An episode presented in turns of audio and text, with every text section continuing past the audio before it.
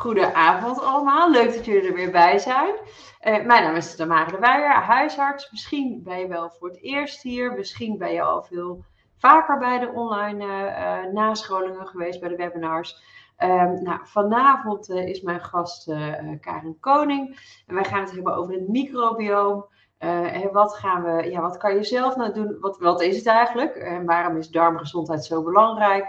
Wat kan je nou zelf doen om dat te verbeteren?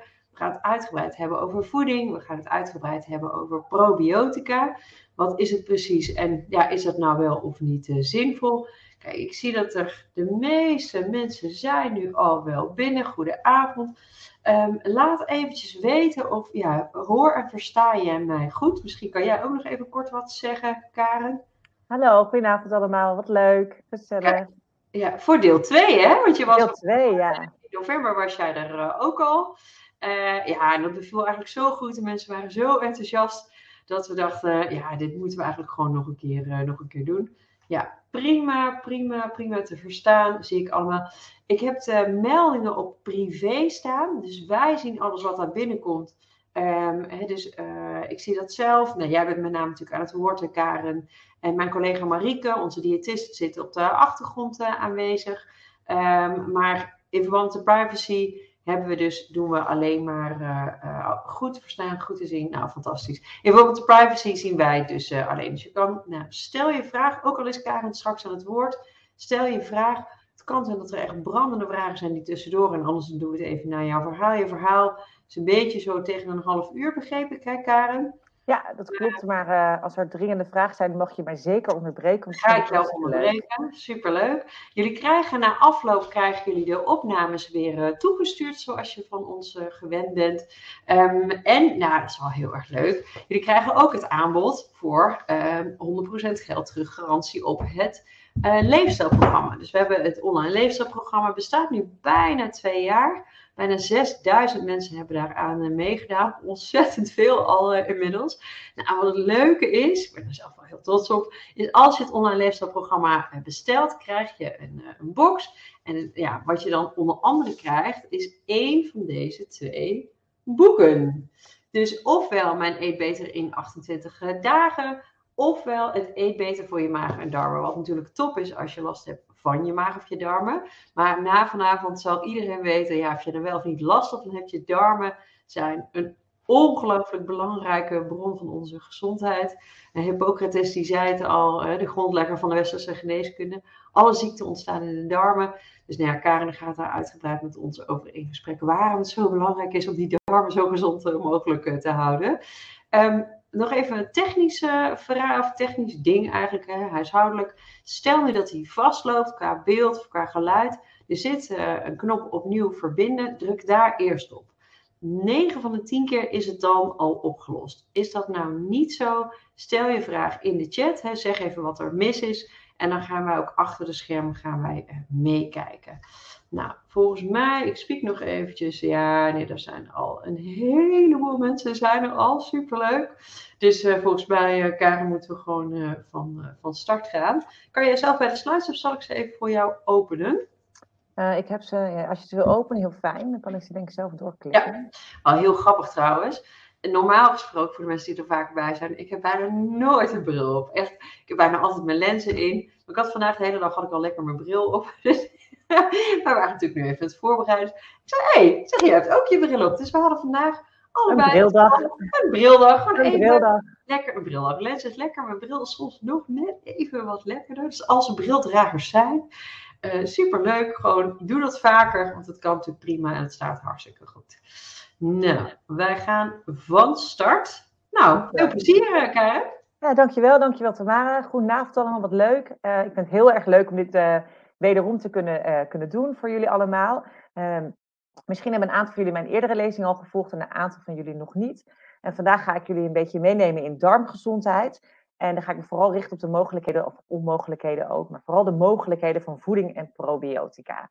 Uh, voor degenen die mij niet kennen, mijn naam is dus Karen Koning. Um, ik heb een achtergrond in gezondheidswetenschappen. Ik ben gepromoveerd binnen de maag-darm-leverziekte en in medische microbiologie in Maastricht. Heb ik onderzoek ook gedaan naar die darmen en die microbiota die daarin zit. En ik werk nu bij een bedrijf dat uh, probiotica maakt. Nou, dat is eigenlijk denk ik wel genoeg over mij. Laten we beginnen met het, uh, mooie onderwerp. En dat is eigenlijk dat onze wereld, en daarom vind ik dit plaatje zo leuk, dat onze wereld vol met micro-organismen zit. Nou, eigenlijk overal wat je aanraakt, of het nou um, uh, de toiletbril is, nou, daar weten we het eigenlijk allemaal wel van. Maar ook bijvoorbeeld de bodem of de lucht die je inademt, maar zelfs in ijs en in lava, daar zitten micro-organismen. Dus onze hele wereld is bezaaid met micro-organismen. En uh, dat kun je misschien een beetje uh, eng idee vinden, maar dat hoeft helemaal niet. Uh, want die micro-organismen zijn eigenlijk heel erg gezond voor ons. En de micro-organismen die op en in ons lichaam leven, die noemen we de microbiota. Dat hebben de wetenschappers bepaald, dat noemen we de microbiota. En dat zijn vooral bacteriën, maar het zijn niet alleen bacteriën, het zijn ook schimmels en virussen en parasieten bijvoorbeeld, die horen daar ook bij. Um, vanavond zal ik me vooral gaan richten op, uh, op bacteriën. Um, maar um, ja, het is wel belangrijk, denk ik, om, om te weten dat het dus niet alleen bacteriën zijn. Nou, zoals ik al zei, de microbiota die bevindt zich in en op ons lichaam. En wat is dan het verschil tussen de microbiota en de darmflora? Nou, de darmflora is eigenlijk de term die we eerder gebruikten voor de bacteriën die in ons maag-darmkanaal zitten. En dat werd, werd eerst darmflora genoemd, maar dat vonden de wetenschappers niet zo'n goede term, want flora en fauna zijn planten en, en, uh, en dieren.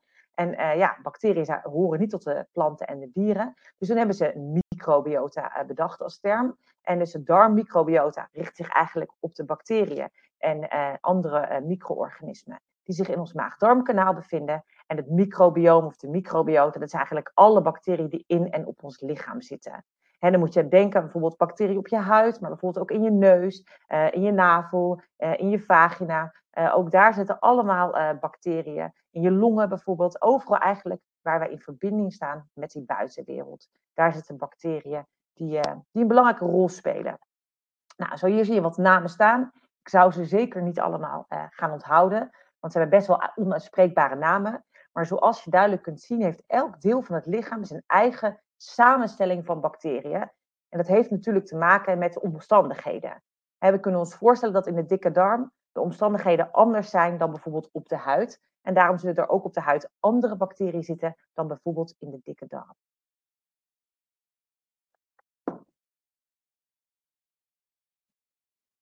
Nou, inmiddels weten we dat die bacteriën er niet alleen zitten, maar dat die bacteriën een ontzettend belangrijke rol spelen voor onze gezondheid.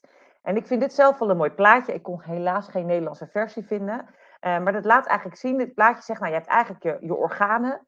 Hè, die, die kun je in theorie zien. Hè, uh, moet je ons wel opensnijden, maar je kan ze zien. Hè, zoals het hart en je longen en je darmen. En dan heb je eigenlijk on, onzichtbare microbioom of de microbiota. En samen maken die een compleet mens. En dat is denk ik heel erg belangrijk om ons te realiseren. Misschien vinden we het een gek idee hè, dat we bezaaid zijn met micro-organismen. Maar dat is in de loop van de evolutie zijn wij een hele belangrijke samenwerking met die micro-organismen, met die bacteriën aangegaan. En doen ze heel erg belangrijk werk voor ons. En dat zie je ook in het rechterdeel van het plaatje. Ook hier zou ik zeker niet allemaal gaan onthouden. Maar dit plaatje laat zien wat die bacteriën niet allemaal al doen voor ons. He, zij zijn heel erg belangrijk bijvoorbeeld voor de afbraak van bepaalde voedingsmiddelen die wij zelf niet kunnen afbreken, die wij dus zelf niet kunnen verteren. En dat kunnen bacteriën wel voor ons doen. Uh, ze maken bijvoorbeeld bepaalde vitamine voor ons, vitamine K of vitamine B. Um, zijn heel belangrijk voor de ontwikkeling van ons immuunsysteem. Dus voor een goede weerstand, voor een goede ontwikkeling van onze weerstand, hebben we die bacteriën ook nodig. Nou, ze zijn ze belangrijk bijvoorbeeld voor onze vetopslag.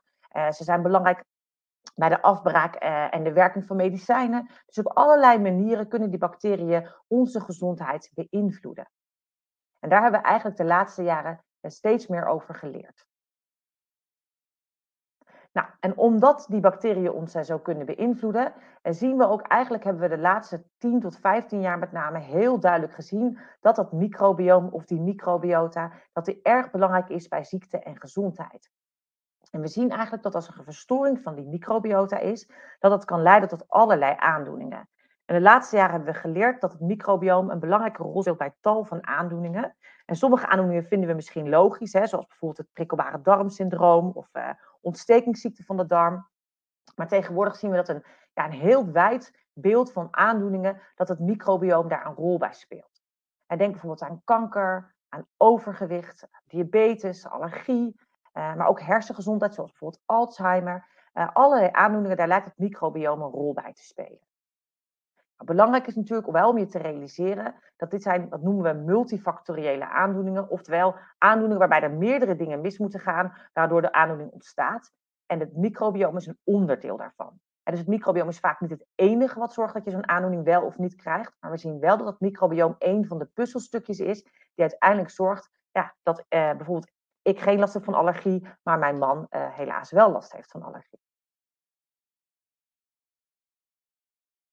Nou, en hoe weten we dat nou? Uh, dat het microbioom uh, zo belangrijk is uh, voor onze ziekte en gezondheid. En dat weten we eigenlijk uit verschillende soorten studies.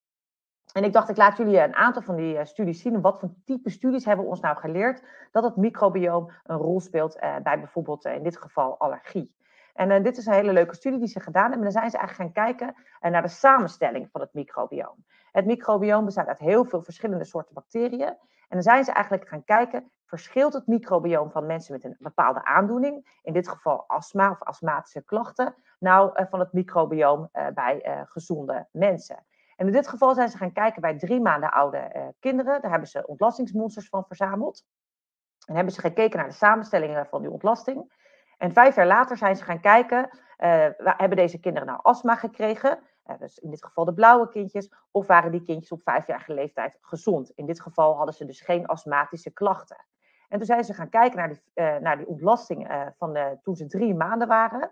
En toen zagen ze eigenlijk al verschil in samenstelling tussen de kindertjes die dus op vijfjarige leeftijd uiteindelijk astmatisch piepen hebben gekregen, dus astma hebben gekregen, en de kinderen uh, die daar geen last van hadden. Dus op drie maanden oude leeftijd zagen ze dus al verschil in de samenstelling van die darmflora of de, de microbiota. En dit zijn van die studies die ons duidelijk laten zien dat ergens zien we dus een verschil uh, in, in die samenstelling, in dit geval tussen ziekte en gezondheid. Nou, dan kun je je natuurlijk afvragen, is dat dan een oorzaak of is het een gevolg? Hè? Dit microbiome, heeft dat nou, uh, is dat nou een oorzaak of een gevolg? Nou, in dit geval, omdat je het op drie maanden oude leeftijd al zag, um, denk ik dat het hier wel aangeeft dat het zeker een, een, een oorzaak is en niet een gevolg. Nou, dit zijn niet de enige studies. Om dat duidelijk te bekijken zie je ook heel veel mooie studies. En dat noemen we ook wel transplantatiestudies. En dat zijn studies waarin we willen kijken als we nou het microbioom hè, eh, van een, een ziek persoon in een gezonde persoon of in een gezond muis in dit geval, want vaak gebruiken we daar muismodellen voor, uh, transplanteren, kunnen we die ziekte dan ook transplanteren. Nou, en dit is een eh, vrij simpele uh, studie. En hier hebben ze de ontlasting genomen voor mensen met obstipatie, oftewel mensen die heel moeilijk naar het toilet kunnen hè, en die hele harde ontlasting hebben. En mensen die eigenlijk gewoon uh, daar geen last van hebben, die gewoon uh, één of twee keer per dag gaan en een mooie zachte ontlasting hebben. En die hebben ze getransplanteerd uh, bij dezelfde muizen. Dus de helft van die muizen heeft die ontlasting gekregen, die obstipatieontlasting. En de andere helft van de muizen heeft die ja, gezonde, normale ontlasting gekregen. En vervolgens zijn ze gaan kijken naar de ontlasting van deze muizen. En toen zagen ze dat de muizen die de constipatie of de obstipatieontlasting hadden gekregen, dat die ook daadwerkelijk ja, uh, minder vaak naar het toilet gingen uh, en een hardere ontlasting kregen, dus een meer obstipatieachtige ontlasting. Terwijl de muizen die de gezonde ontlasting hadden gekregen, dat die ook een normale muizenontlasting uh, hielden. En zo zie je hier dus dat als je dat microbioom dus overbrengt, in dit geval op muizen, dat je de aandoening ook kunt overbrengen. Nou, dit is een voorbeeld bij obstipatie, maar er zijn bijvoorbeeld ook studies die laten zien dat als je het microbioom van dikke mensen uh, naar muizen overbrengt, dat muizen dan ook dikker daarvan bijvoorbeeld kunnen worden. En er zijn ook studies die laten zien dat bijvoorbeeld uh, uh, je insulinegevoeligheid, dat als je ja, afhankelijk van hoe je insulinegevoeligheid is, hè, dus bijvoorbeeld de ontlasting van mensen met type 2 diabetes of gezonde mensen, dat je dat dus ook kunt overbrengen, die aandoening, in muizen of zelfs soms bij mensen. En dit laat dus heel duidelijk zien dat het microbioom op een of andere manier dus onze ziekte en gezondheid heel erg kan beïnvloeden. Even terug naar het microbioom. Als we ons dan even op de darmflora gaan richten, ja, hoeveel, wat is dan eh, goed eigenlijk? En wanneer hebben we dan een goed en gezond microbioom en een goed en gezonde darmflora? En dat is een vraag die best wel lastig te beantwoorden is. En er zijn een paar jaar geleden een hele mooie studie gedaan. En hebben ze gaan kijken wat voor bacteriën, hoeveel bacteriën vinden we nu eigenlijk in en op de mens. En in deze studie, die uh, is denk ik twee of drie jaar geleden gepubliceerd, zijn ze uiteindelijk gekomen tot 4930 verschillende soorten. Dus dat is best wel heel erg veel. En het geeft ook al een beetje aan hoe complex het is. Uh, uh, bacteriën die ze in en op de mensen gevonden hadden. En dat betekent niet dat wij die allemaal hebben. Oh, ik zit even te kijken. Ja, dat betekent niet dat wij die allemaal hebben. Als wij naar, ehm, naar onszelf gaan kijken, dan zien we eh, in de darm in ieder geval dat het er ongeveer 250 zijn bij volwassenen. Waarvan een deeltje bij bijna iedereen aanwezig is. En dat zijn ongeveer 50. Die zijn bij, bij bijna iedereen aanwezig. dus 95% van de mensen die vandaag zitten kijken, die, die hebben die 50. En de andere, nou, 150 tot 200 die nog over zijn, die zijn heel individueel bepaald. Dus iedereen kan uit die, uit die berg aan bacteriën die er is, heeft dus een eigen unieke samenstelling van het microbioom. En als jij volwassen bent, dan heb je een unieke, dus persoonlijke samenstelling van bacteriën, die echt heel erg ja, uniek is voor jou als persoon. En die ook relatief stabiel is. Dus die verandert normaal niet heel veel meer. Dus als ik vandaag naar mijn microbioom zou kijken, en ik kijk volgende week ook, en ik heb geen grote stressfactoren ingebracht, dan zal dat ongeveer hetzelfde zijn. Nou, wat is dan een gezond microbioom? Ja, het is best wel moeilijk te beantwoorden, omdat we dus allemaal een andere samenstelling hebben. en daarom kan ik niet zeggen, je hebt uh, acht van deze nodig, of uh, eh, 23 van deze, of, of, geen van die. Dat, dat is best een beetje lastig. Maar wat we wel hebben geleerd over de uh, laatste jaren, is dat diversiteit heel erg belangrijk is. Ja, en wat is dat nou, diversiteit? Diversiteit is eigenlijk het hebben van heel veel verschillende soorten bacteriën. Dus mensen met veel verschillende soorten bacteriën, die hebben over het algemeen een betere gezondheid dan mensen met een, ja, lage diversiteit met minder verschillende soorten bacteriën. En we zien heel vaak als we gezonde mensen met, ja, mensen met een aandoening gaan vergelijken, dat mensen met zo'n aandoening een lagere diversiteit hebben. Of mensen die meer klachten hebben bij een aandoening, dat die ook een lagere diversiteit hebben. Dus eigenlijk moeten we onthouden dat veel verschillende soorten bacteriën, dat is goed voor onze gezondheid. Nou, ik zei het al, we hebben allemaal een uniek persoonlijk microbioom uh, ontwikkeld dat relatief stabiel is. Maar er zijn heel veel factoren die invloed hebben op die, uh, op die microbiota. En uh, dit is, zijn een aantal van die factoren. dat is bijvoorbeeld, nou ja, hoe je geboren bent, heb je borstvoeding gehad of niet. Dat geeft aan hoe jouw microbioom ontwikkeld is. Voeding, daar gaan we het dadelijk op hebben, dat is heel belangrijk. Of je veel beweegt. Mensen die veel bewegen, en die wel actief zijn, die hebben een ander microbioom dan mensen die bijvoorbeeld heel veel zitten. Ziekte heeft invloed op je microbioom. Veroudering heeft ook invloed op je microbioom. Alles neemt af met de leeftijd. En helaas die diversiteit van je microbioom ook. Dus we zien dat na 65 ongeveer die diversiteit natuurlijk gewoon begint af te nemen. Nou, waar je bijvoorbeeld geboren bent, hoe je geboren bent, of je medicijnen gebruikt sommige medicijnen, daar weten we van dat ze heel veel invloed hebben op dat microbioom. Dus er zijn allemaal manieren waarop je dat microbioom dan wel positief, dan wel negatief kan beïnvloeden. En wat mogelijkerwijs kan leiden tot een verstoring van de microbiota en dan uiteindelijk tot uh, ziekte en klachten. Nou, wat kunnen wij nou doen om te zorgen dat we dat microbioom zo optimaal mogelijk houden? En voor vandaag heb ik me gericht op uh, twee uh, dingen. En dat is, de eerste is voeding. En de tweede is probiotica. Nou, met voeding is eigenlijk heel makkelijk. Of ja, hè, als je het eh, plat slaat, is het eigenlijk je bent wat je eet. En we zien dat, dat voeding super veel uh, invloed heeft op die samenstelling van het microbioom. Dus wat jij eet heeft eigenlijk direct invloed op de samenstelling uh, van je microbiota. En er zijn er heel veel studies gedaan over de wereld. Uh, en hebben gekeken naar verschillen tussen bijvoorbeeld mensen met een andere genetische achtergrond. En dus bijvoorbeeld Aziatische mensen ten opzichte van Europese mensen. Of mannen ten opzichte van vrouwen. En dan zien we dat dat allemaal wel verschil maakt. Maar dat een van de belangrijkste dingen daarin is wat je eet. dus we zien verschillen tussen Aziatische mensen en mensen in West-Europa. Maar dat komt voornamelijk door wat ze eten. en, en, hier eten we nou eenmaal wat meer uh, ja, hamburgers en daar eten we wat meer noedels, om het even heel plat gezegd uh, te zeggen. En dat zien we eigenlijk ook in deze studies terug. En ik ga jullie hier even doorheen lopen, want het lijkt heel technisch, maar het valt wel mee. Maar eigenlijk zie je hier uh, in het linkerplaatje, dan zie je dat er verschil is tussen mensen die veel koolhydraten eten, of mensen die veel vet eten, en dan met name de ongezonde vetten, en mensen die hoge, dus veel eiwitten in de voeding eten.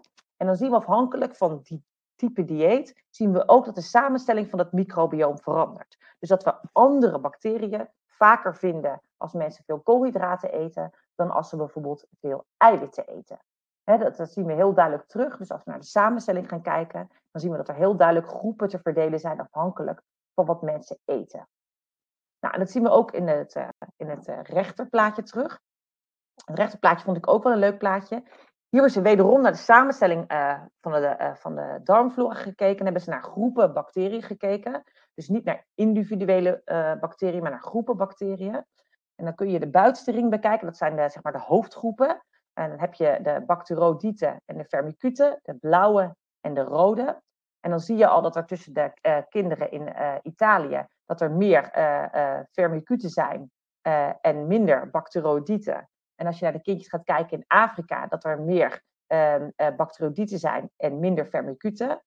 En ook als je naar andere bacteriegroepen gaat kijken, dan zie je dat de kleuren anders zijn en anders verdeeld zijn. En dat geeft eigenlijk aan dat er dus andere bacteriën eh, in andere mate aanwezig zijn bij de kindjes in Burkina Faso dan bij de kinderen in Italië.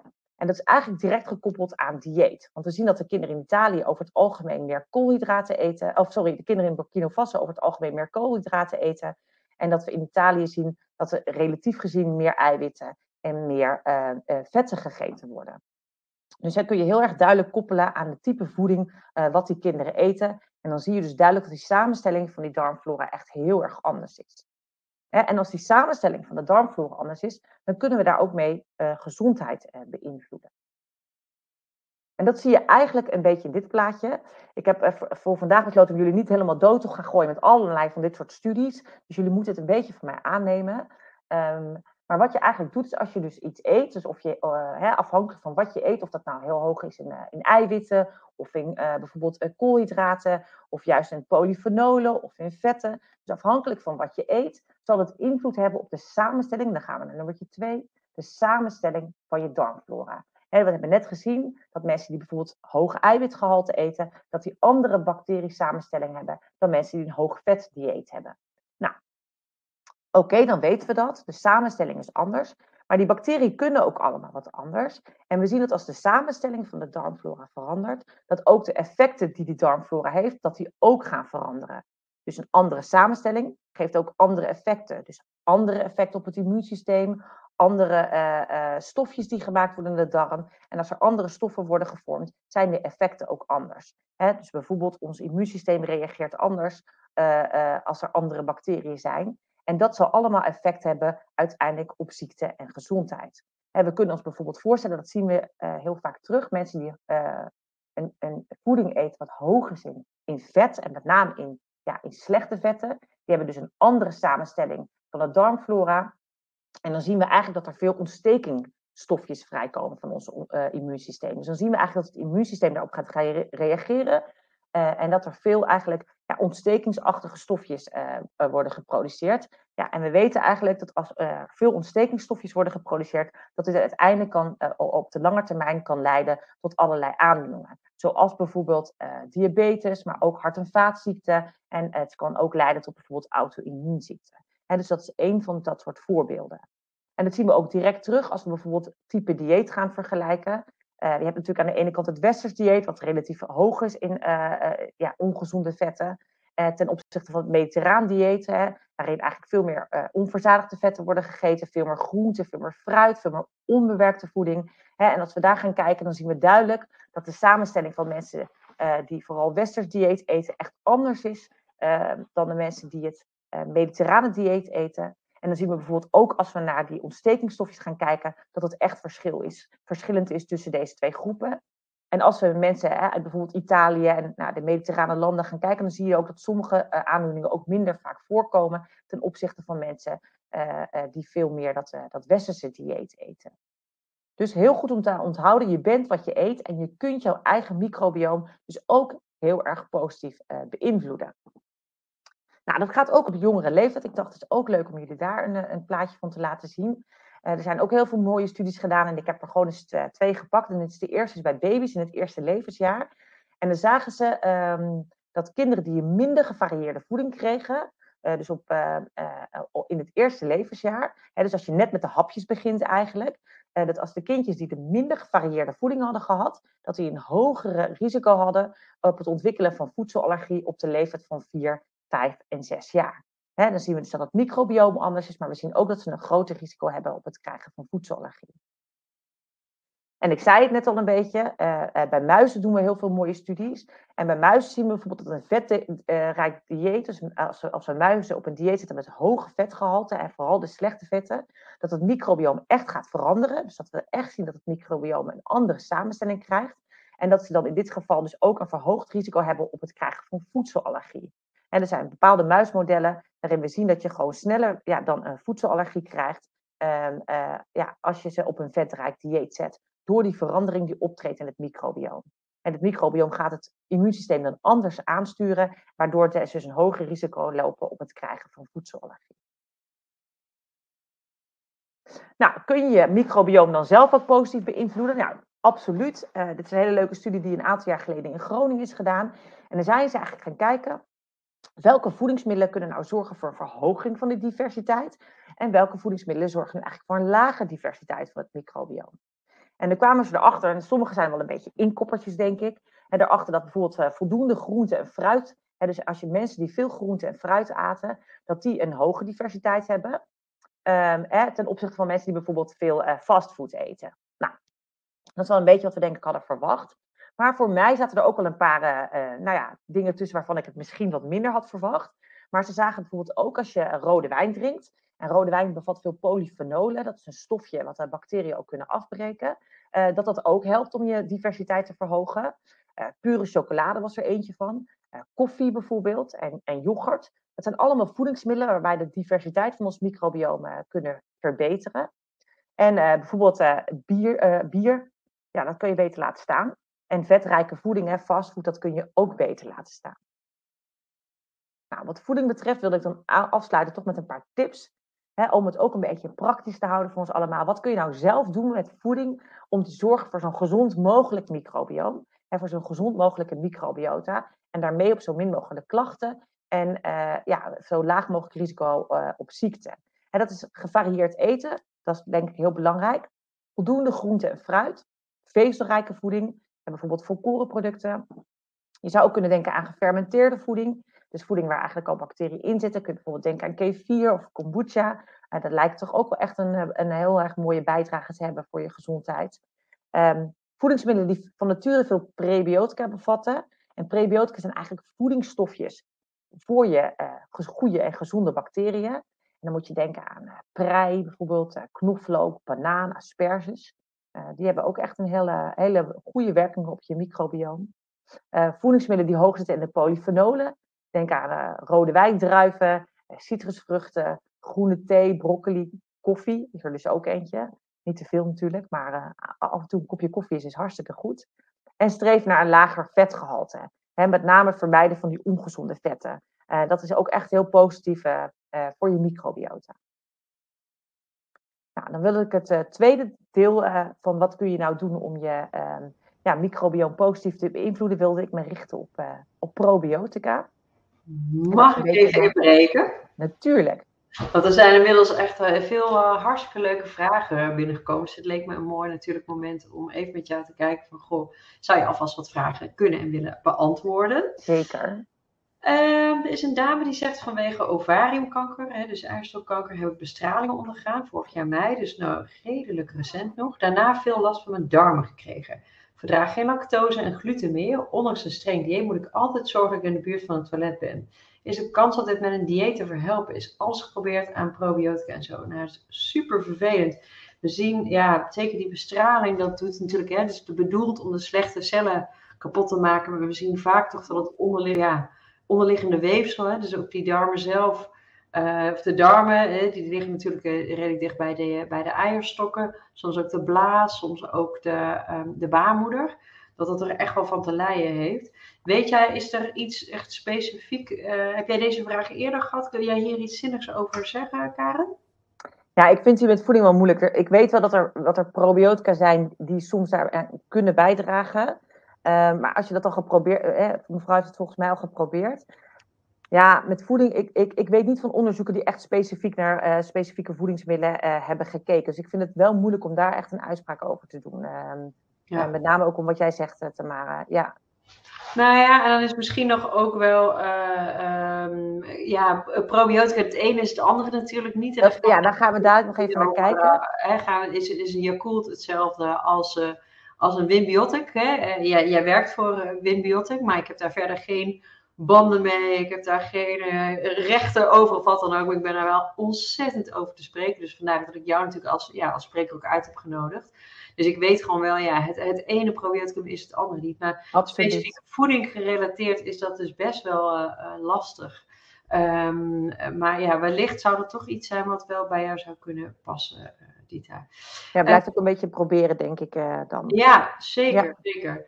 Ehm, stuur anders eventjes een, een mailtje. Ik zal je daar even het mailadres sturen, Dita dan eh, gaan we daar nog eventjes apart naar, eh, naar kijken. Ja, en we kunnen ook eh, even kijken inderdaad met probiotica of we daar nog iets... Precies. Ik weet niet welke je al geprobeerd hebt, maar dan kunnen we daar nog even specifiek naar kijken. Precies, dus die, die nemen we eventjes mee. Frederik heeft een leuke vraag, die zegt, speelt het microbiome ook een rol bij ADD, ADHD en autisme? Ja, absoluut. Er zijn heel veel. ik ga het heel kort even dadelijk vanuit probiotica perspectief aanstippen. Maar absoluut, ja, we zien dat het microbiome ook uh, heel veel invloed heeft op onze hersengezondheid. Vanuit de darm-hersenas. Dus waar we vroeger dachten dat de hersenen alleen de darmen aansturen, zien we dat de darmen nu ook de hersenen uh, echt heel erg kunnen beïnvloeden. En vanuit dat uh, perspectief speelt het microbiome zeker ook een rol in die aandoeningen. Ja, absoluut. Kijk, mooi. Um, Petra zegt, ja, hoe zit het met maagzuurklachten? Ik denk met name, goh, wat is de rol van uh, voeding, probiotica heeft de darmgezondheid. Nou, ik weet natuurlijk met maagzuurklachten zijn 2 miljoen Nederlanders uh, die uh, maagzuurremmers gebruiken. van wie een deel het echt ook nodig nodig is, hè, omdat ze bijvoorbeeld echt een aantasting hebben van de slokdarm, niet goed functionerend maagklepje, bepaalde medicatie gebruiken waarbij je die maagzuurremmers echt moet gebruiken. Bijvoorbeeld prednison is daar één van. Um, maar een heleboel mensen, en daarom heb ik natuurlijk ook dit boek gemaakt, um, kunnen daar ook weer van afkomen. Want voeding heeft daar een ongelooflijk belangrijke rol in. Natuurlijk ook uh, alcohol, roken heeft daar een hele belangrijke rol in. Is het ook de, de, de samenstelling van je microbiome die daar uh, een rol in speelt, Karen? Nou, er zijn weinig studies die dat direct laten zien, of eigenlijk zijn er weinig studies naar gedaan. Dus ik, ik, ik zou niet durven zeggen van, uh, uh, ik verwacht wel dat er een bepaalde rol is. Maar wat we bijvoorbeeld wel weten van maagzuurremmers, van mensen die dat niet echt nodig hebben. We, weten, uh, we denken altijd baat niet, dan schaadt het niet. Maar we weten bijvoorbeeld van maagzuurremmers dat ze heel veel negatief effect hebben op het microbioom. En waarvan we eerst altijd dachten dat het alleen van antibiotica was, want ja, die doden tenslotte bacteriën. Zien we nu van andere um, medicijnen ook heel veel effect. En maagzuurremmers zit echt in de top 4 of 5 van, ja, van medicijnen die super veel effect hebben op het microbiome. En eigenlijk negatief effect hebben op het microbiome. Uh, en daarmee dus eigenlijk ook bepaalde uh, um, effecten in stand kunnen houden. Uh, dus dat extra geeft eigenlijk al aan dat als je, het, hè, als je op andere manieren met voeding, bijvoorbeeld zoals met het boek van Tamara, wat kunt doen, dat dat echt wel de moeite waard is. Dus niet alleen omdat je dan misschien gewoon van die maagzuurremmers af bent en van nature ook van je klachten af bent, maar ook om je microbiome te ondersteunen. Um, dus ja, vanuit dat perspectief ook. Ja, nou ja, het is wel goed dat je dat zegt. Er zijn toch veel medicamenten die uh, dat microbiome ook uh, beïnvloeden. Antibiotica is natuurlijk een hele belangrijke, maar nou, ik zei al, 2 miljoen mensen in Nederland gebruiken dat. Hè. Dus bijvoorbeeld de omeprazol, de pantoprazol, de, eh, Nexium. Uh, stop die nooit zomaar. Dus dat is wel echt even belangrijk. Bij alle medicatie, hè, overleg het altijd even met je arts. Maar het is gewoon wel echt de moeite waard om het te bekijken. Hè, want het is niet zo, dus baat het niet, dan schaadt het niet. Uh, we nemen maar uh, een pilletje. Ehm, dus pas daar ja, zeker op lange termijn ook echt wel mee op, maar stop nooit zomaar zelf. Dan heb ik nog een vraag van iemand die zegt: Nou, ik kan helaas niet verder live kijken, maar ik ga het achteraf zeker terugkijken. Je krijgt dus achteraf alle opnames toegestuurd. Mocht je nou naar weg willen of zo, dan kan dat altijd.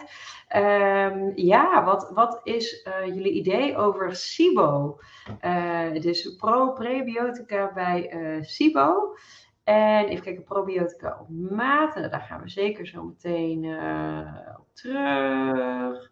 Ja, veel succes. verder veel plezier. Nou, probiotica gaan we het zeker op. Maar SIBO, zou jij daar wat over kunnen vertellen? Dat kan ik zeker. Voor de mensen die dat niet weten, SIBO is, dat staat voor Small Intestinal Bowel Overgrowth. Dat is eigenlijk dat er te veel bacteriën zitten in delen van de darm waar, waar niet zoveel bacteriën horen te zitten. En dus vaak zit je, dan in je dunne darm dat er een overgroei van bacteriën zit. En dat kan bij sommige mensen hebben daar geen klachten van. Maar voor heel veel mensen kan dat ook uh, klachten veroorzaken. Uh, en we zien we vanuit uh, probiotica zeker dat er studies zijn die hebben laten zien dat probiotica daar positief aan kunnen bijdragen. Dus ja, SIBO kunnen verminderen. En dus die overgroei kan bijvoorbeeld ook optreden als je maagzuurremmers neemt. Dan kan dus inderdaad die overgroei ook gaan op, optreden omdat er dan dus minder maagzuur in de dunne darm terechtkomt. En dan kunnen er bacteriën gaan groeien die normaal onderdrukt worden door ons maagzuur.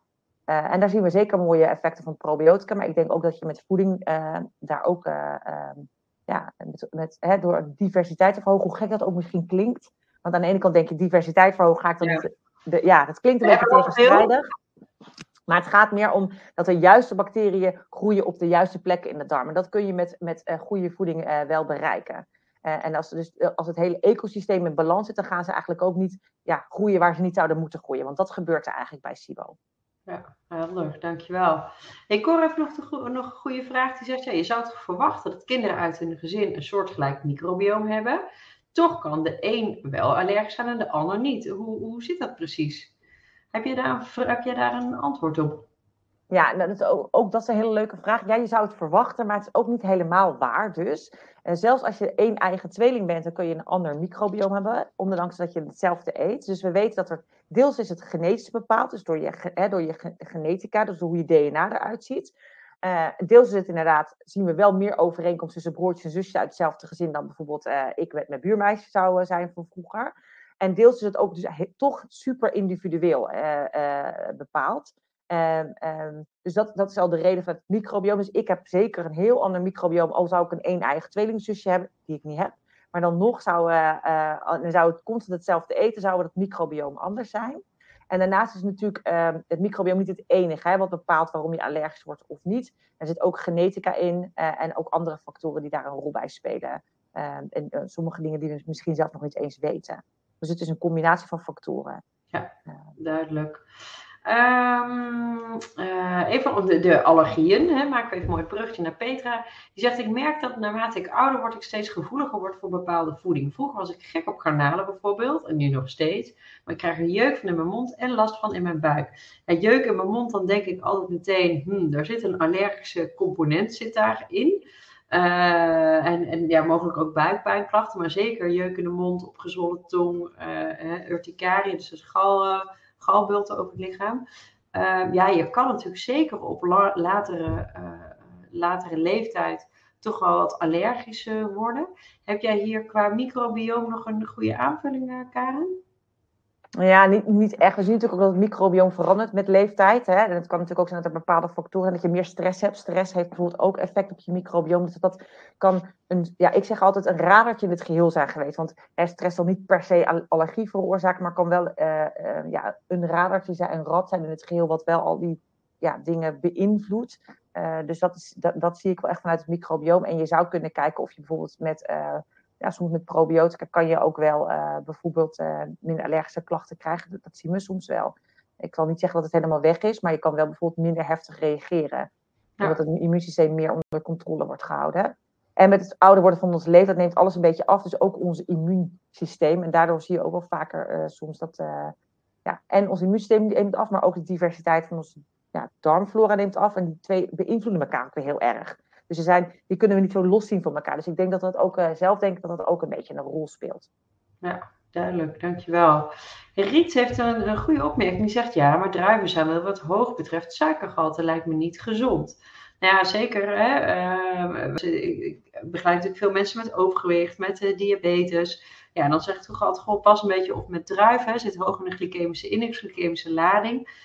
Eh, daarbij is er ook natuurlijk uh, alcohol geeft een grote kans bijvoorbeeld op het krijgen van borstkanker, maar ook bijvoorbeeld slok- en. Volgens mij was ook niet jouw bedoeling om tegen mensen te zeggen, nou volgens mij moet je gewoon lekker een fles wijn per dag gaan, gaan, drinken.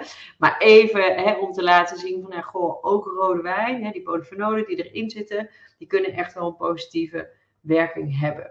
Blijft altijd de richtlijn goede voeding nou, uh, het liefst echt zo min mogelijk voor vrouwen, maximaal één glas voor, uh, voor mannen. Dus ja, probeer daar. Mijn boodschap is een beetje precies wat jij zegt ook, Tamara. Maar als je dan toch een glaasje wijn wilt drinken, neem dan liever een glaasje rode wijn. Dat precies. heeft dan nog wat beetje, beetje positieve effecten voor je, uh, voor je microbioom. Ja. Als je dan toch moet kiezen. Hè, in plaats van dat biertje, wat dan eigenlijk niet zo'n heel goed effect heeft op je microbioom. Dus als je dan toch alcohol wilt drinken, dan neem de, liever die. Uh, maar helemaal eens met jou. Uh, ik, ik zou niemand willen aanraden om een fles per dag te drinken. Nee, nee, nee. Doe ik zelf ook niet overigens. Laten we dat niet doen. Uh, even kijken. Karen, andere Karen zegt, kan, een leuke vraag ook weer, kan probiotica iets doen aan een sportprestatie van topsporters? Nou ja, dat, nou, ja en nee. wat we eigenlijk zien is dat het um, op twee effecten is bij sporters naar gekeken. We zien dat zeker bij mensen die uh, duursport doen, dan zien we dat uh, uh, bij duursport zien we heel veel effect, negatieve effecten op de darm.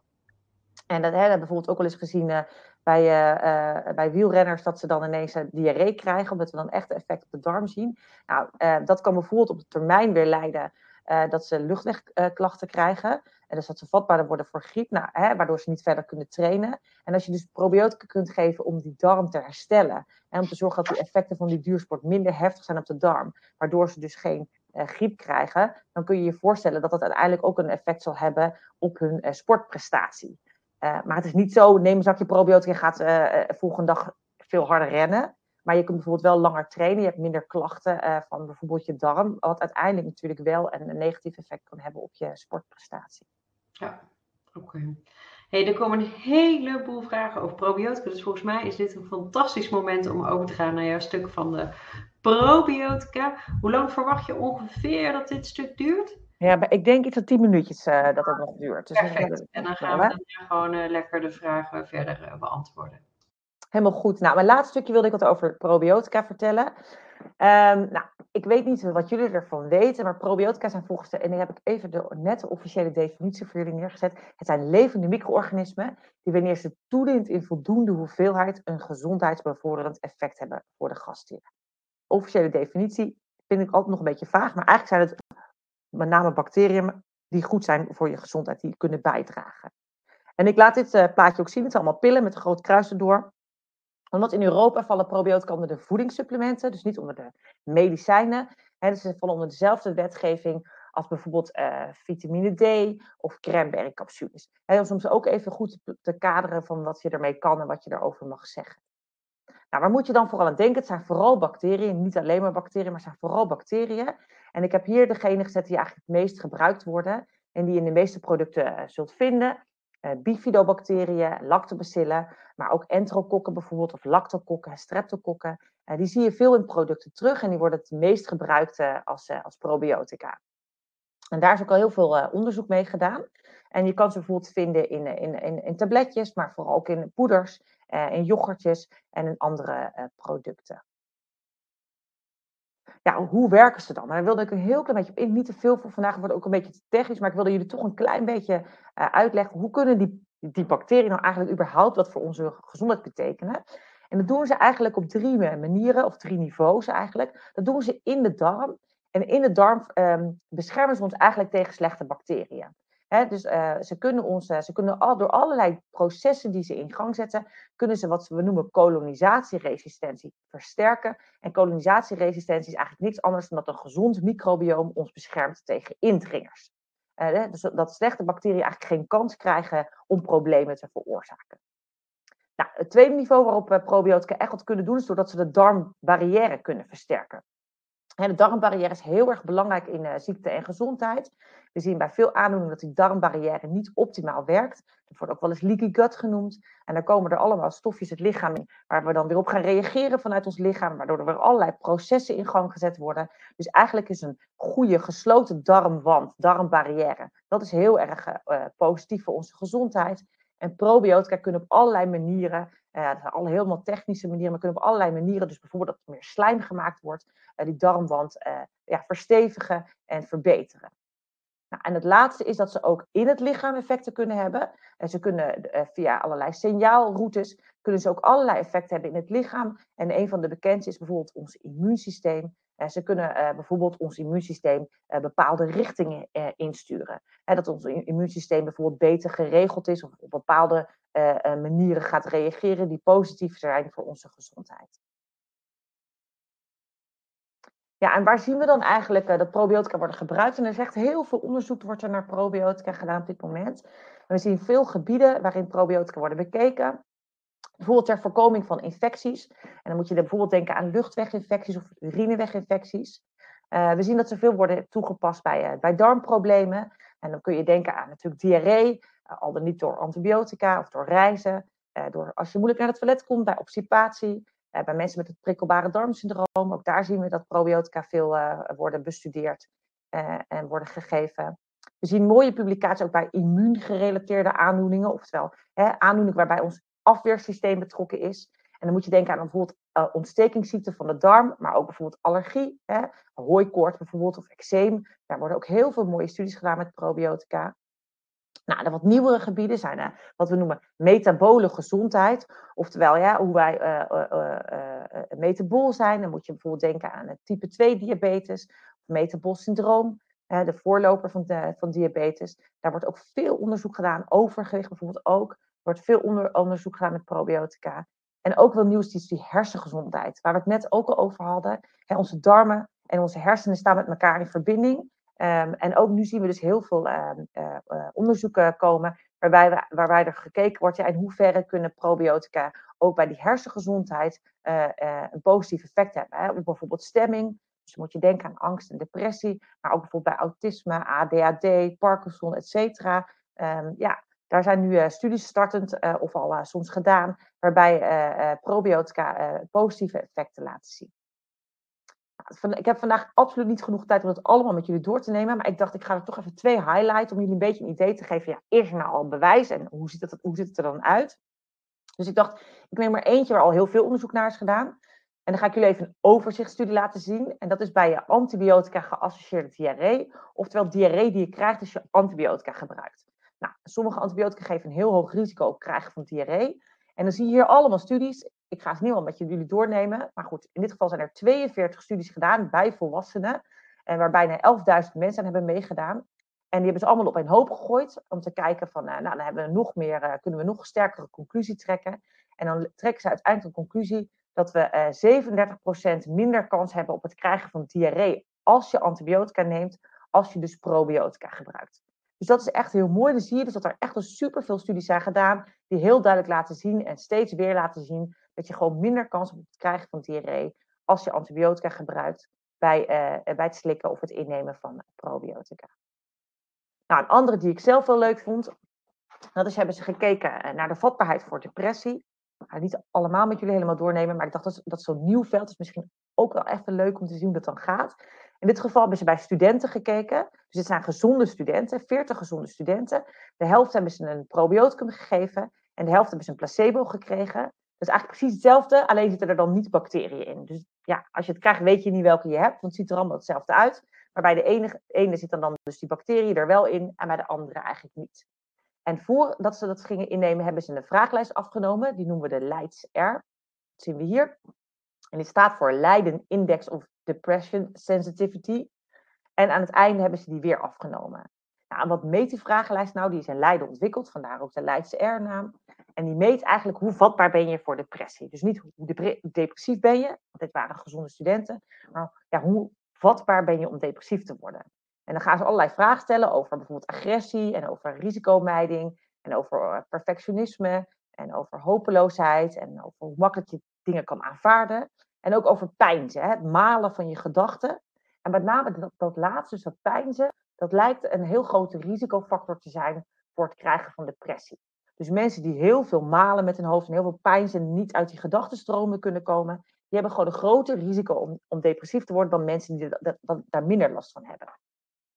Nou, wat hebben ze nou gedaan? Ze hebben dus aan het begin die vragenlijst afgenomen, dan een probioticum of een placebo gegeven en aan het einde uh, nog een keer gekeken. En wat zagen ze? En dat, daarom dacht ik, ik ga deze studie aan jullie laten zien, om te laten zien dat we dus echt al iets met probiotica kunnen bij de hersengezondheid. Ze zagen dat de studenten die dus die probioticum hadden genomen, dat die minder vatbaar geworden waren, een lagere score, dus minder vatbaar waren geworden voor uh, depressie na vier weken gebruik van dit specifieke probioticum. En dat zat met name over, over, pijnzen. Rumination is de Engelse woord voor pijnzen. En bij agressieve gedachten. Dus het is echt wel heel leuk om te laten zien dat daar dus inderdaad al ja, de eerste aanwijzingen zijn dat probiotica echt een positieve bijdrage daar uh, ook kunnen hebben. Ja, en dan wilde ik afsluiten met jullie een paar uh, wijsheden mee te geven over probiotica. Uh, probiotica wordt heel vaak gebruikt als containerbegrip. En weet je alsof ik zeg vitamine. we weten allemaal dat er veel verschillende soorten vitamine zijn. je hebt vitamine C, vitamine D, nou, om er twee te noemen. En we weten ook allemaal dat die andere effecten hebben. als ik een studie ga doen naar, met vitamine C op botgezondheid, ja, dan ga ik waarschijnlijk niet zoveel vinden. Dan had ik met vitamine D die studie moeten doen. En zo werkt het ook met probiotica. Je kunt niet over probiotica spreken alsof het één ding is, want het zijn allemaal anders. En ik zeg altijd, bacteriestammen zijn net mensen. Um, en uh, de eigenschappen die gelden voor de ene bacterie, gelden niet per se voor de andere bacterie, ook niet als ze dezelfde naam hebben. Ik, uh, ik, ga, ik vind het zelf een heel erg leuk voorbeeld, maar dit is Frenkie de Jong, die kennen jullie misschien allemaal wel. En als je hem googelt, dan kom je heel veel van zijn foto's tegen. Maar uiteindelijk ook deze meneer. En deze Frenkie de Jong is een hele goede voetbalspeler. En deze Frenkie de Jong, ik heb het niet gecheckt, maar ik denk dat hij een goede gitaarspeler is. Dus beide heten ze Frenkie de Jong. En de een kan goed voetballen en de ander kan goed gitaar spelen. Nou, hetzelfde is met bacteriën zo. Ze kunnen allebei hetzelfde naam hebben, wil niet zeggen dat ze hetzelfde kunnen. En dat is heel erg belangrijk. En daarom moet je altijd, als je naar probiotica gaat kijken, uh, ja, denk ik, uh, goed uh, in zicht hebben, wat kunnen die bacteriën? Er is er ook niet eentje die alles kan. Want deze Frenkie de Jong die kan supergoed voetballen, maar ik denk dat hij minder goed is in gitaar spelen. En daarom in mijn optiek zou je moeten kijken naar een, een multispecies probioticum. En dat is een probiotica waarin meerdere stammen zitten met meerdere eigenschappen. Waardoor je een combinatie van eigenschappen hebt en dus waarschijnlijk ook een hoger effect hebt. En aan de andere kant, wat ook heel erg belangrijk is, dat je de juiste stammen met de juiste eigenschappen kiest voor elke probleem. Als, je, eh, ja, als jij uh, uh, wil winnen, als je tegen Ajax speelt, dan moet je goede voetbaleigenschappen selecteren. Terwijl als jij de, voice, de voice wil winnen, dan moet je misschien uh, juist uh, bacteriën selecteren die goed muziek kunnen maken. Nou, dat is eigenlijk een beetje natuurlijk een analogie, maar zo geldt het ook voor probiotica. Goed kijken, wat kunnen die bacteriën nu wel en wat kunnen ze niet? En wat heb ik nodig voor de, waarvoor ik ze ga gebruiken? He, als ik het voor allergie neem, heb ik echt andere eigenschappen nodig dan als ik diarree wil voorkomen. Ik denk dat het, klinkt logisch, maar dat moet je echt goed naar kijken. Dus waarop moet je letten bij probiotica? Uh, ik denk dat je moet, een product moet nemen met meerdere stammen, dus zo'n multispace product, omdat je dan, omdat je meerdere stammen hebt, meerdere eigenschappen kunt combineren, waardoor je een hogere effectiviteit hebt. Hè, de juiste stammen voor jouw probleem met de juiste eigenschappen. Meer is zeker niet altijd beter, maar je hebt wel een minimale dosering nodig. Ik vergelijk altijd een beetje met paracetamol. We kennen allemaal paracetamol. Nou, ik heb geleerd van mijn huisartsvrienden dat ik er altijd twee moet nemen, want uh, anders zit ik te laag in de dosering. Dus ik moet er minimaal twee nemen. Want als ik een kwart paracetamol neem, dan gaat het niet mijn hoofdpijn uh, weghalen. Ik zou er natuurlijk ook tien kunnen nemen, ik kan er meer nemen. Dan gaat mijn hoofdpijn ook weg. Maar is dat dan beter dan dat ik er twee had genomen? Nou, nee. En het is misschien zelfs nog wel slechter. Dat is bij probiotica waarschijnlijk niet het geval, maar meer is zeker niet altijd beter. Uh, want het is vooral dus belangrijk of je de juiste neemt. En of er ook gekeken is naar ja, kunnen die bacteriën het maag-darmkanaal overleven? Want je kunt natuurlijk heel veel nemen, maar als ze allemaal doodgaan in de maag, die bacteriën, dan heb je nog steeds geen effectief product. En het belangrijkste is om te kijken, ja, is er een aanwijzing dat er onderzoek mee gedaan is? Dat er ook echt bewezen is dat voor, deze specifieke, uh, voor dit specifieke product, dat er ook echt onderzoek gedaan is die ook bewijst dat het bijvoorbeeld helpt tegen allergie of helpt tegen diarree of helpt bij obstipatie. Nou, wat mag je dan verwachten? Daar willen we ook een beetje afsluiten uh, van probiotica. Gaan probiotica ineens van allerlei uh, ziektes genezen? Nou, absoluut niet. Dat wil ik jullie wel vandaag meegeven. Maar wat probiotica wel kunnen doen, ze hebben heel veel invloed op die darmgezondheid. Hè? En omdat ze zoveel invloed hebben op darmgezondheid, hè, ze kunnen bijvoorbeeld diarree verminderen, obstipatie verminderen. ze kunnen zorgen dat je meer energie krijgt. en daarmee hebben ze dus ook heel veel invloed op je kwaliteit van leven. Want we zien eigenlijk dat darmgezondheid ontzettend belangrijke speel is in bij hoe mensen kwaliteit van leven ervaren. En je kunt je bijvoorbeeld voorstellen dat als je heel veel slechte darmgezondheid hebt, waardoor je veel diarree hebt, dat dat heel veel impact zal hebben op bijvoorbeeld je werk. Hè, wat kun je doen met je werk? Niet zo fijn als je 26 keer per dag naar het toilet moet. Uh, durf je je huis nog wel uit te gaan uh, als je zo vaak naar het toilet moet? Uh, kan je dan wel sporten? Dat heeft ook weer allemaal invloed op hoe je ja, mentaal in je vel zit. Dus daarom zien we dat darmgezondheid echt een hele belangrijke ja, ehm, element is van hoe, hoe iemand zijn of haar kwaliteit van leven ervaart. En daar kunnen probiotica ontzettend veel bijdragen en ontzettend veel toegevoegde waarde hebben ook. Ehm, ja, en dan wil ik afsluiten met eigenlijk zo twee dingen voor jullie om te onthouden. Dus als je nou twee dingen moet onthouden van vandaag, dan zijn het eigenlijk wat mij betreft deze twee dingen. Is dat darmgezondheid superveel impact heeft op je algemene gezondheid. dus je darmen, je microbiome, die spelen een hele belangrijke rol in onze ziekte en gezondheid. Maar ook in ja, hoe wij dat ervaren. Dus hoe lekker wij ons in ons vel zitten. En hoe wij zelf vinden dat onze kwaliteit van leven is. Aan de andere kant wil ik dat jullie onthouden dat je bent wat je eet. Dat je zelf heel veel invloed kunt uitoefenen op dat microbioom. En dat het heel erg belangrijk is om dat microbioom gezond te houden. En dat kun je doen met voeding. Enorme belangrijke component. dus zorg voor gezonde voeding. Uh, dat draagt echt bij uh, voor je gezondheid. En uh, daarbij kan probiotica net dat stukje extra bieden bij specifieke problemen. En dat was het voor mij vandaag. En ik hoop dat jullie nog leuke vragen hebben. Nou, die zijn er genoeg. Dus zou ik jou mogen vragen, Karen, of jij tien minuutjes extra van jouw tijd uh, zou... Tuurlijk, ik vind het superleuk. Er zijn echt superveel vragen binnengekomen en ik vind ze te mooi ook om, uh, om te laten gaan. Ik wil je ook niet onderbreken omdat je verhaal zo goed was. Uh, nou, super bedankt. Ik uh, hoor een deel voor de tweede keer nu, een deel voor de eerste keer. Hè. Je bent echt wat meer de diepte ingegaan qua voeding en probiotica. Nou, echt super interessant. Dankjewel. Ik heb er zelf ook weer veel van, uh, van opgestoken. Um, Anjali heeft een vraag. heeft probiotica ook effect op je lichaam als je weerstand onderdrukkende medicatie gebruikt? Dus bijvoorbeeld methotrexaat, Humira. Hè? Dus we zien natuurlijk bijvoorbeeld veel bij uh, Crohn of bij colitis dat mensen medicatie uh, gebruiken. Um, heeft probiotica daarbij ook effect? Want daar is ja, het afweersysteem ja, al wat lastig. Ja, uh, absoluut heeft probiotica effect. En mogelijk iets minder op het afweersysteem, omdat het natuurlijk onderdrukt wordt. Uh, maar er zit natuurlijk, ja, het afweersysteem is heel complex en heel breed. Dus misschien heeft het op sommige onderdelen dan wat minder effect, maar op andere onderdelen weer juist wel. Maar het kan bijvoorbeeld ook op, juist op die darmwand weer extra effect hebben. En bijvoorbeeld op, als je diarree hebt. Dus het hangt er een beetje vanaf waar je naar kijkt. Maar probiotica heeft zeker ook nog wel effect dan op de rest van je lichaam. dus ja, absoluut. Helder. Um, Linda vraagt, ik ga morgen beginnen bij een antibiotica-kuur in verband met ontsteking navelpiercing. Eerste keer in 26 jaar. Maakt er nog uit welke probiotica ik dan neem. En ze heeft de Ortica Basis gekocht. Is dat voldoende? Ik ken deze niet. Ik denk dat het sowieso goed is om bij je antibiotica-kuur een probioticum te gebruiken. Ken je de Ortica Basis? Ja, ik, ik denk ik ken de basic. Ik denk dat het, ja, ik denk dat het de original is. Want ik weet niet, volgens mij hebben ze die misschien eh, net hernoemd. Maar dat is best wel een heel goed product. Er is niet specifiek onderzoek gedaan uh, bij uh, antibiotica geassocieerde diarree. Maar zeker een goede, goed, mooi, kwalitatieve, hoogstaand probioticum. Um, en als je echt zou willen kijken naar onderzoek wat gedaan is bij het probioticum. Dus ik zou deze gewoon gebruiken. Maar als mensen geïnteresseerd zijn. Daar is de nationale gids probiotica bij antibiotica. En daar wordt heel onafhankelijk uh, door een aantal uh, onderzoekers is er gekeken, is er onderzoek gedaan. En met welke producten dan die ook uh, beschikbaar zijn op de Nederlandse markt. Dus dat zou je kunnen googlen. Ik vind het zelf wat moeilijk om een beetje. Ik werk natuurlijk bij een bedrijf.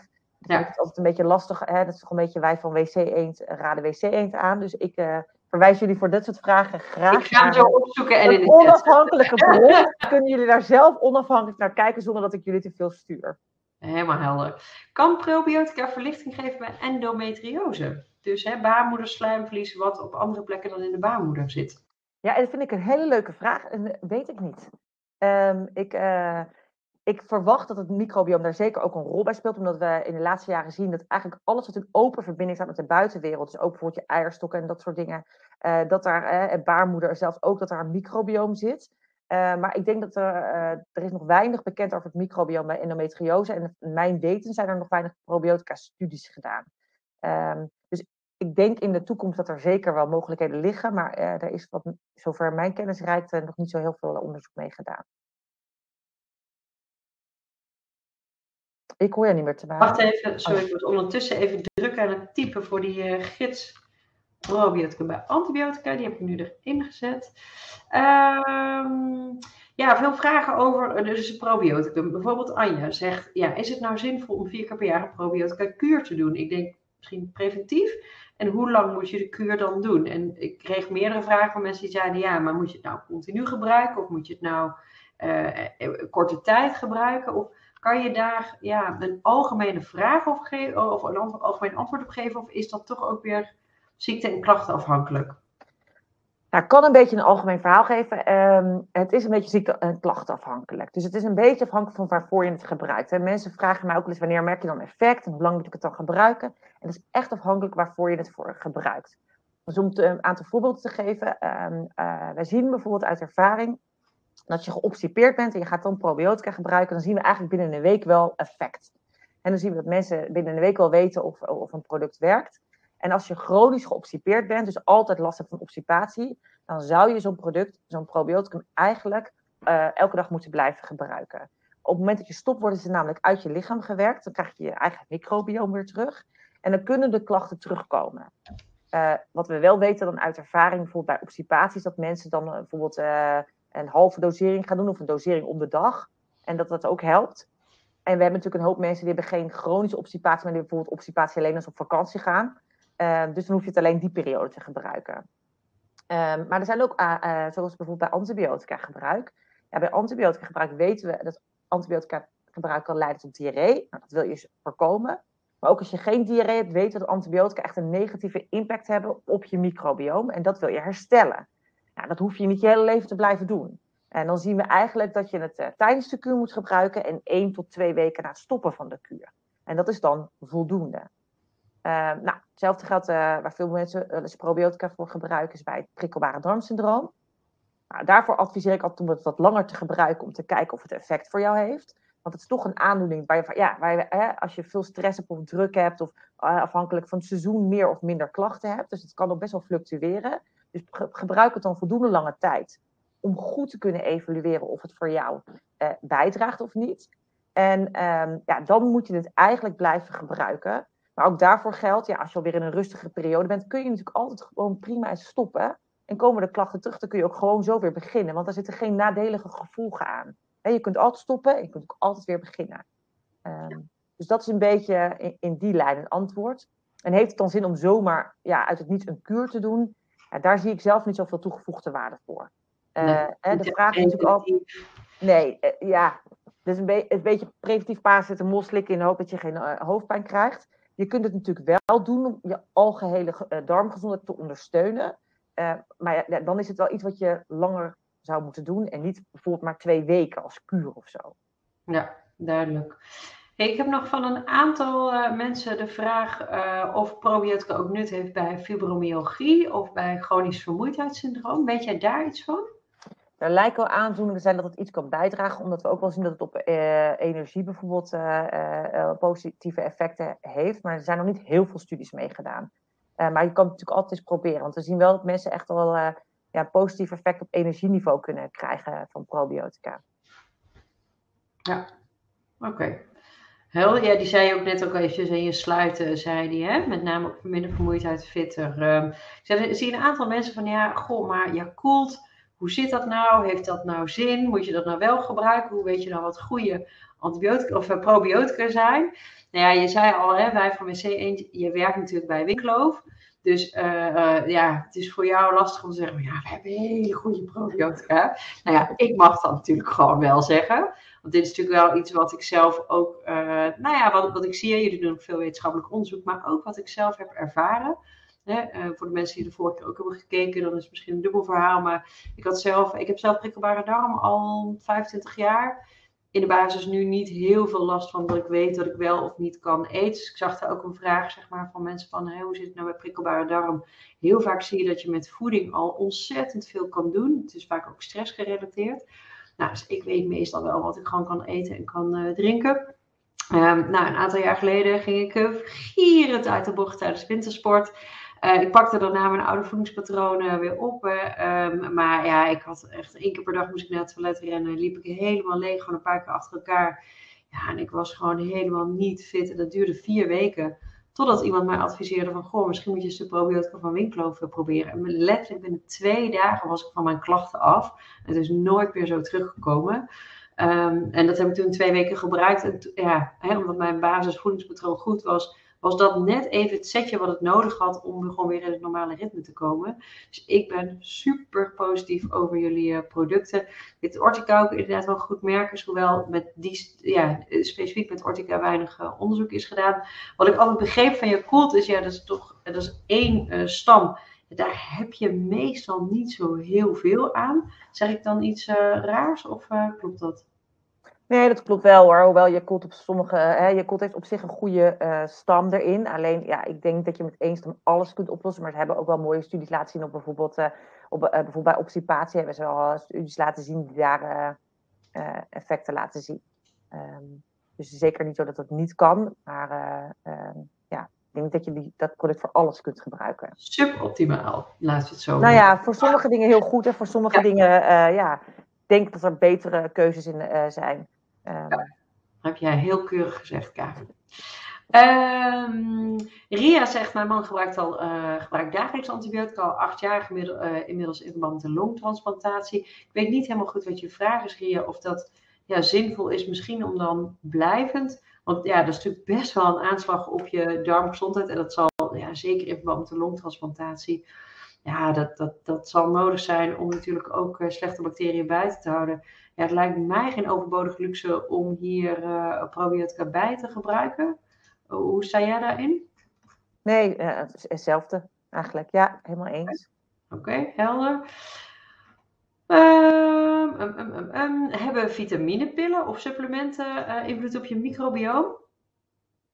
Uh, nou, ongetwijfeld uiteindelijk alles wat je inneemt, maar niet uh, dat ik weet dat ze daar heel veel effect op zullen hebben. Dus supplementen kunnen overigens wel. Dus Vitamine nee, denk ik. Supplementen kunnen dat wel hebben, want er zijn ook supplementen die prebiotica bevatten. En dat zijn, nou, zoals ik al zei, zit bijvoorbeeld ook in bananen of in asperges. Maar dat zijn, ja, dat zijn uh, uh, koolhydraten die we zelf niet kunnen afbreken, maar bacteriën wel. En uh, die kunnen bepaalde bacteriegroepen heel erg stimuleren. En die kun je dus ook als supplement kopen. Dus ja, dat is een beetje afhankelijk van type supplementen ja, wat je slikt. Ja, duidelijk. Um, ik zie hier uh, Frank die zegt Winkloof, Winbiotic. Is dat uh, hetzelfde? Klopt dat? Ja, ja, soort van wel, ja. soort van wel. Ja, ja wink, wink, dit is ons eigen. Het bedrijf maakt probiotica, niet alleen zelf, maar dit is ons eigen merk probiotica. Ik zal hem eventjes. Want dat is wel nog even een goede om. Dan gaan we terug kruipen richting afsluiting. Um, hoe weet je nu welke, hè, want jullie hebben natuurlijk verschillende, hebben jullie er staan, ook op de website. Hoe weet je nou welke bij jou past? Want je hebt uh, Pro, uh, A, D, I, B, C, R, S, C, B, R. Het hele alfabet komt er achteraan. Um, staat daar gewoon goed bij waar je het voor kunt gebruiken? Hè? Want ik zie al mensen die zeggen van ja, ik heb uh, winderigheid. Ik heb, nou. Nee, dat staat er niet bij. En dat zal ik jullie ook uitleggen waarom niet. En dat is ook de reden waarom ik het, het plaatje liet zien van het is dus geen medicijn. Uh, maar voor de, gros, uh, de Europese wetgeving uh, mag je niks in relatie tot voedingssupplementen zeggen met het genezen of verminderen of voorkomen van een ziekte. Um, dus wij mogen dat er niet bij zetten. Dus niet alleen wij als bedrijf, maar ook Yakult niet, of nou, erg, Ortica niet, of andere merken die vandaag genoemd zijn. Dat, dat mag gewoon niet. Dus wij doen dat, wij dan als probiotica-industrie, doen dat niet om jullie te pesten, maar dat is gewoon wettelijk niet toegestaan. Dus hoe kom je daar dan wel achter? Uh, je kan uh, kijken of uh, je gezondheidsprofessional, dus bijvoorbeeld je diëtist, een diëtist of verpleegkundige of je huisarts, of nou, iemand daarin, je daar een advies in kan geven. zij weten het vaak wel. en je kan natuurlijk altijd op, contact opnemen met de probioticum leverancier om, gewoon een vraag te stellen van god, ik heb last van en welke van de producten zou je hiervoor adviseren?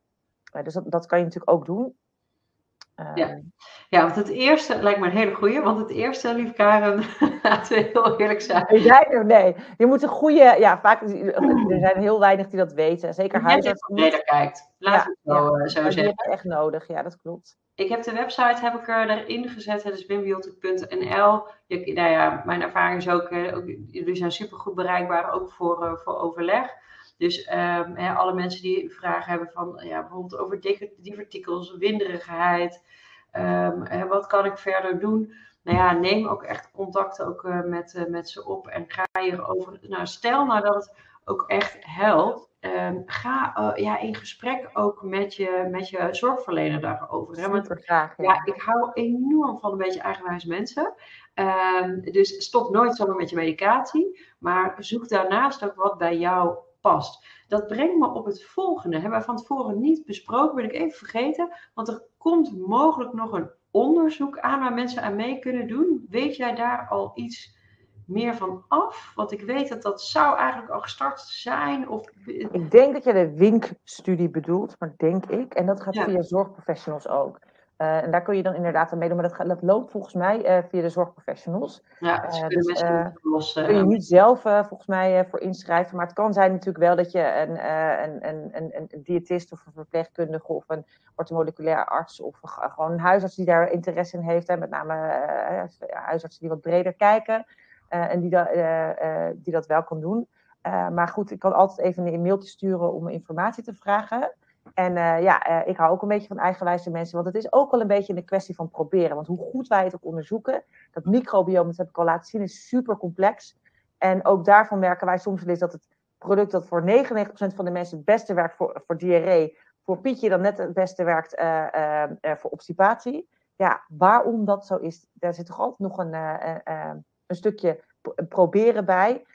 dus ga ook goed zoeken. En daarin zou ik jullie allemaal willen adviseren om probeer een goed probioticum, voldoende lang. En probeer er, als die dan niet gelukt, probeer, geef altijd nog een kans. Probeer dan nog een keer een ander product voldoende lang. En als je nou twee probiotica hebt geprobeerd die hè, voldoende lang, die niet voor jouw probleem uh, de oplossing zijn, ja, dan moet je het misschien niet in probiotica zoeken. Maar ik zou jullie wel willen adviseren om, als je uh, zoiets hebt, om zeker eens te gaan, gaan kijken en ja, te gaan onderzoeken of, of het kan bijdragen voor jezelf. Uh, want we zien dat het voor sommige mensen echt, uh, ja, net dat stukje extra kan zijn, zoals Tamara ook in haar voorbeeld gaf. En net dat stukje extra en dat, dat zetje kan zijn. Uh, dus ja, laat het gerust weten als we jullie daar ook mee kunnen helpen. Nou, lijkt mij een prachtige afsluiter. Er zijn nog wat vragen open, maar ik wil ook in het kader van de tijd wil ik graag afronden. Wil je je vraag nou toch beantwoord hebben, stuur even een mailtje naar support@online-leefstijlprogramma.nl in de chat uh, staat, hij, uh, staat hij gewoon. dus je kan je vraag daarin sturen naar elkaar en dan zullen wij hem gewoon nog samen bekijken. Ik heb ook even de, sla of de website van het online leefstijlprogramma erbij gezet. zoals ik al eerder zei, als je je aanmeldt voor het online leefstijlprogramma, krijg je een van deze twee boeken erbij. Je mag zelf kiezen. Um, en iedereen krijgt on, uh, 100% geld teruggarantie. Dus ofwel je zorgverzekeraar vergoedt het ofwel wij betalen de kosten terug. Maar daar krijg je nog meer informatie over. Nou, ik wil jullie ongelooflijk bedanken weer voor je tijd en aandacht naar Karin. Jij natuurlijk voor jouw fantastische verhaal. Dankjewel dat je het weer met net zoveel enthousiasme en passie uh, bracht als, uh, als de vorige keer. Uh, nou, ik wens iedereen een hele mooie, fijne avond. En ik uh, hoop jullie de volgende keer te zien. Dat is uit mijn hoofd is dat 10 maart. Zeg ik dat heel goed? Ga ik even dubbel checken. Nee, dat zeg ik helemaal niet goed. 8 maart, dinsdag 8 maart. En dan geef ik een webinar over overgewicht. Dus uh, waar komt dat vandaan? Wat kan je eraan doen met hele makkelijke stappen ook richting een uh, gezond gewicht te gaan. Nou, ik, uh, oh, je kunt je daar nu ook al voor inschrijven via de website. Dankjewel allemaal. Hele fijne avond naar Karen. Nogmaals eh, ontzettend bedankt. En wij spreken elkaar vast snel weer. Dankjewel. Zeker, gedaan. Fijne avond allemaal.